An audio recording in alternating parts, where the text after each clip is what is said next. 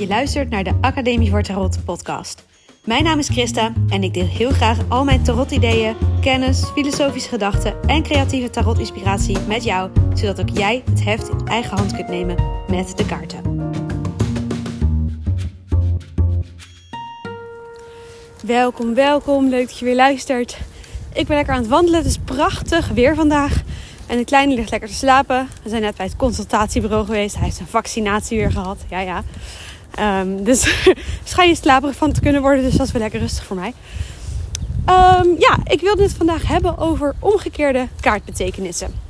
Ik kreeg er laatst weer een vraag over. En het is een vraag die regelmatig gesteld wordt door beginnende tarotisten. Die dan zeggen van ja, ik lees in een boekje ook de omgekeerde betekenis van een kaart. Wat moet ik daar nou mee? En hoe, ja, hoe ga je er nou precies mee om? Wat, wat doe je? Dus um, ja, de theorie is eigenlijk een beetje als volgt. Het idee is dat je kaarten, uh, als je ze getrokken hebt, dan kunnen ze rechtop voor je neus liggen. Dus met gewoon ja, de gewone afbeelding, zeg maar. Of ze liggen omgekeerd, dus dat de afbeelding naar beneden toe wijst. Dus dan bedoel ik niet dat je niet ziet wat er op de afbeelding staat, maar uh, dat zeg maar de, het, ja, het kaartje gewoon een halve slag gedraaid is. Nou, en er zijn dus boeken die dan zeggen: als dat zo is, dan gebruik je de omgekeerde betekenis. Omgekeerde betekenis is niet altijd de tegenovergestelde betekenis. Ook niet altijd het negatieve aspect en dan de recht op de positieve. Eigenlijk, heel eerlijk gezegd, vind ik vaak in boekjes het systeem van omgekeerde kaartbetekenissen niet zo duidelijk.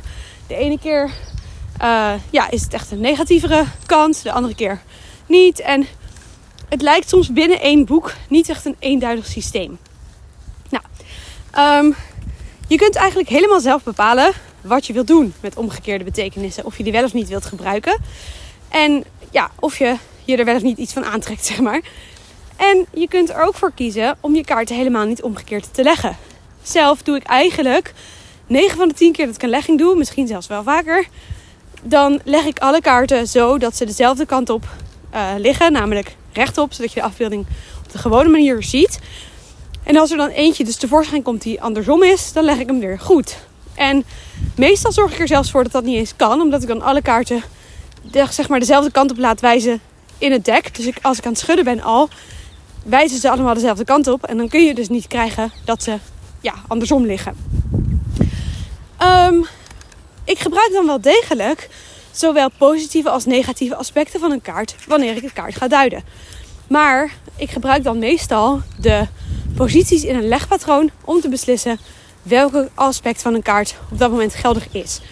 Dus als een kaart ligt op een plek die bijvoorbeeld gaat over, uh, uh, ja, heel flauw gezegd, uh, een nadeel of een voordeel, dan weet je al meteen of je een positieve of een negatieve kant moet hebben.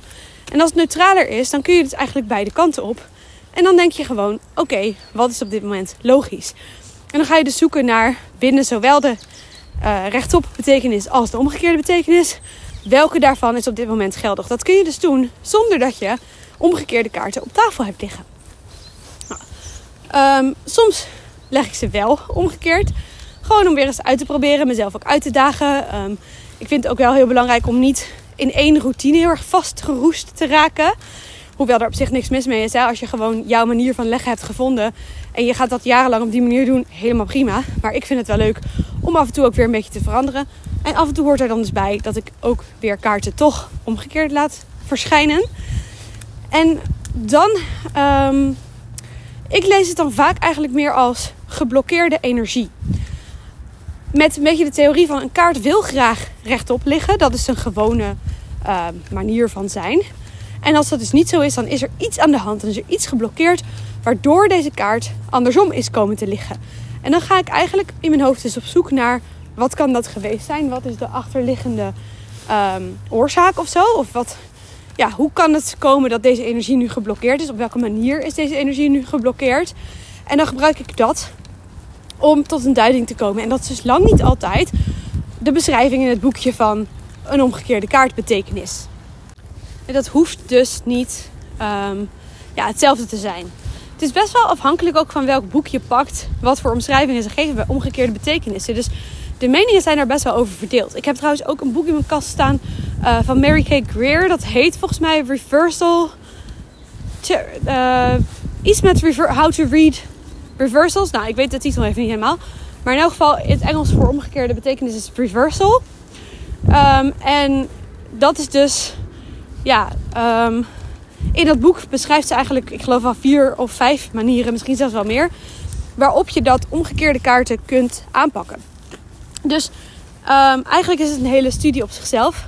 En kun je het op veel manieren doen. Wat ik, wel, wat ik ook een hele leuke vind, trouwens.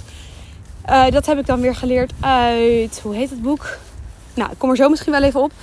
Um, dat is dat als je kaarten omgekeerd legt en kaarten rechtop legt, dat je heel goed kunt kijken naar, uh, naar welke kant kijkt de figuur op de kaart.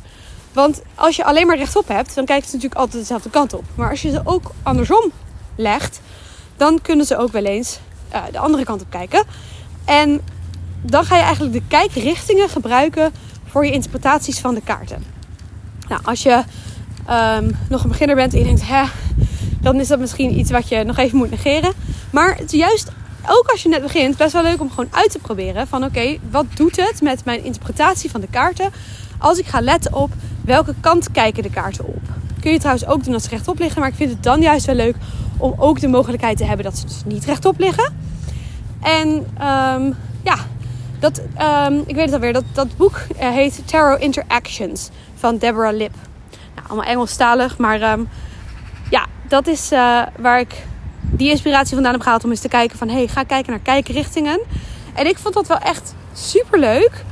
En het levert gewoon weer een hele nieuwe kijk op, op de kaarten. Dus echt wel iets wat je ja, kunt uitproberen. Dus omgekeerde kaarten, weet je, als je je er niet comfortabel bij voelt, ga er ook gewoon lekker niet mee aan de slag. Je hoeft helemaal niet. Ik bedoel, 78 kaarten met ieder hun eigen afbeeldingen. Je hebt echt genoeg al aan informatie als ze rechtop liggen. Dus je hoeft ze helemaal niet om te keren. Maar als je dat wel interessant vindt en dat wel um, ja, wil uitproberen, dan heb ik je nu hopelijk wat inspiratie gegeven. En als je het dus um, ja, wat veel vindt, dan hoop ik dat je nu ook hebt gehoord van hé, hey, je hoeft het ook helemaal niet te gebruiken. En je hoeft dus ook niet elke keer het op dezelfde manier te doen. Je kunt dus echt gewoon bedenken waar heb ik vandaag zin in en dat lekker gaan doen. En nou ja, dat vind ik ook altijd zo leuk. Je kunt gewoon blijven spelen, blijven uitproberen. Dus de ene dag kun je zeggen: ik ga uh, wel rechtop lezen en de andere keer, of uh, omgekeerde betekenissen gebruiken. En de andere keer, ik doe dat niet.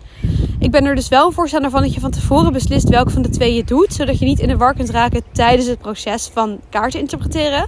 Want als je dan gaat denken, oh, had deze eigenlijk niet andersom omgekeerd moeten zijn? Of hmm, hij kwam net omgekeerd tevoorschijn, maar ik heb hem net rechtop gelegd. Was dat wel goed? Ja, dan um, maak je het jezelf weer onnodig moeilijk. Beslis voordat je de kaarten gaat trekken hoe je het dit keer gaat doen. En hou daar dan aan vast. Dat is, um, ja, ik vind het het makkelijkst om zeg maar, de spelregels, om het zo maar even te noemen, vooraf te bepalen.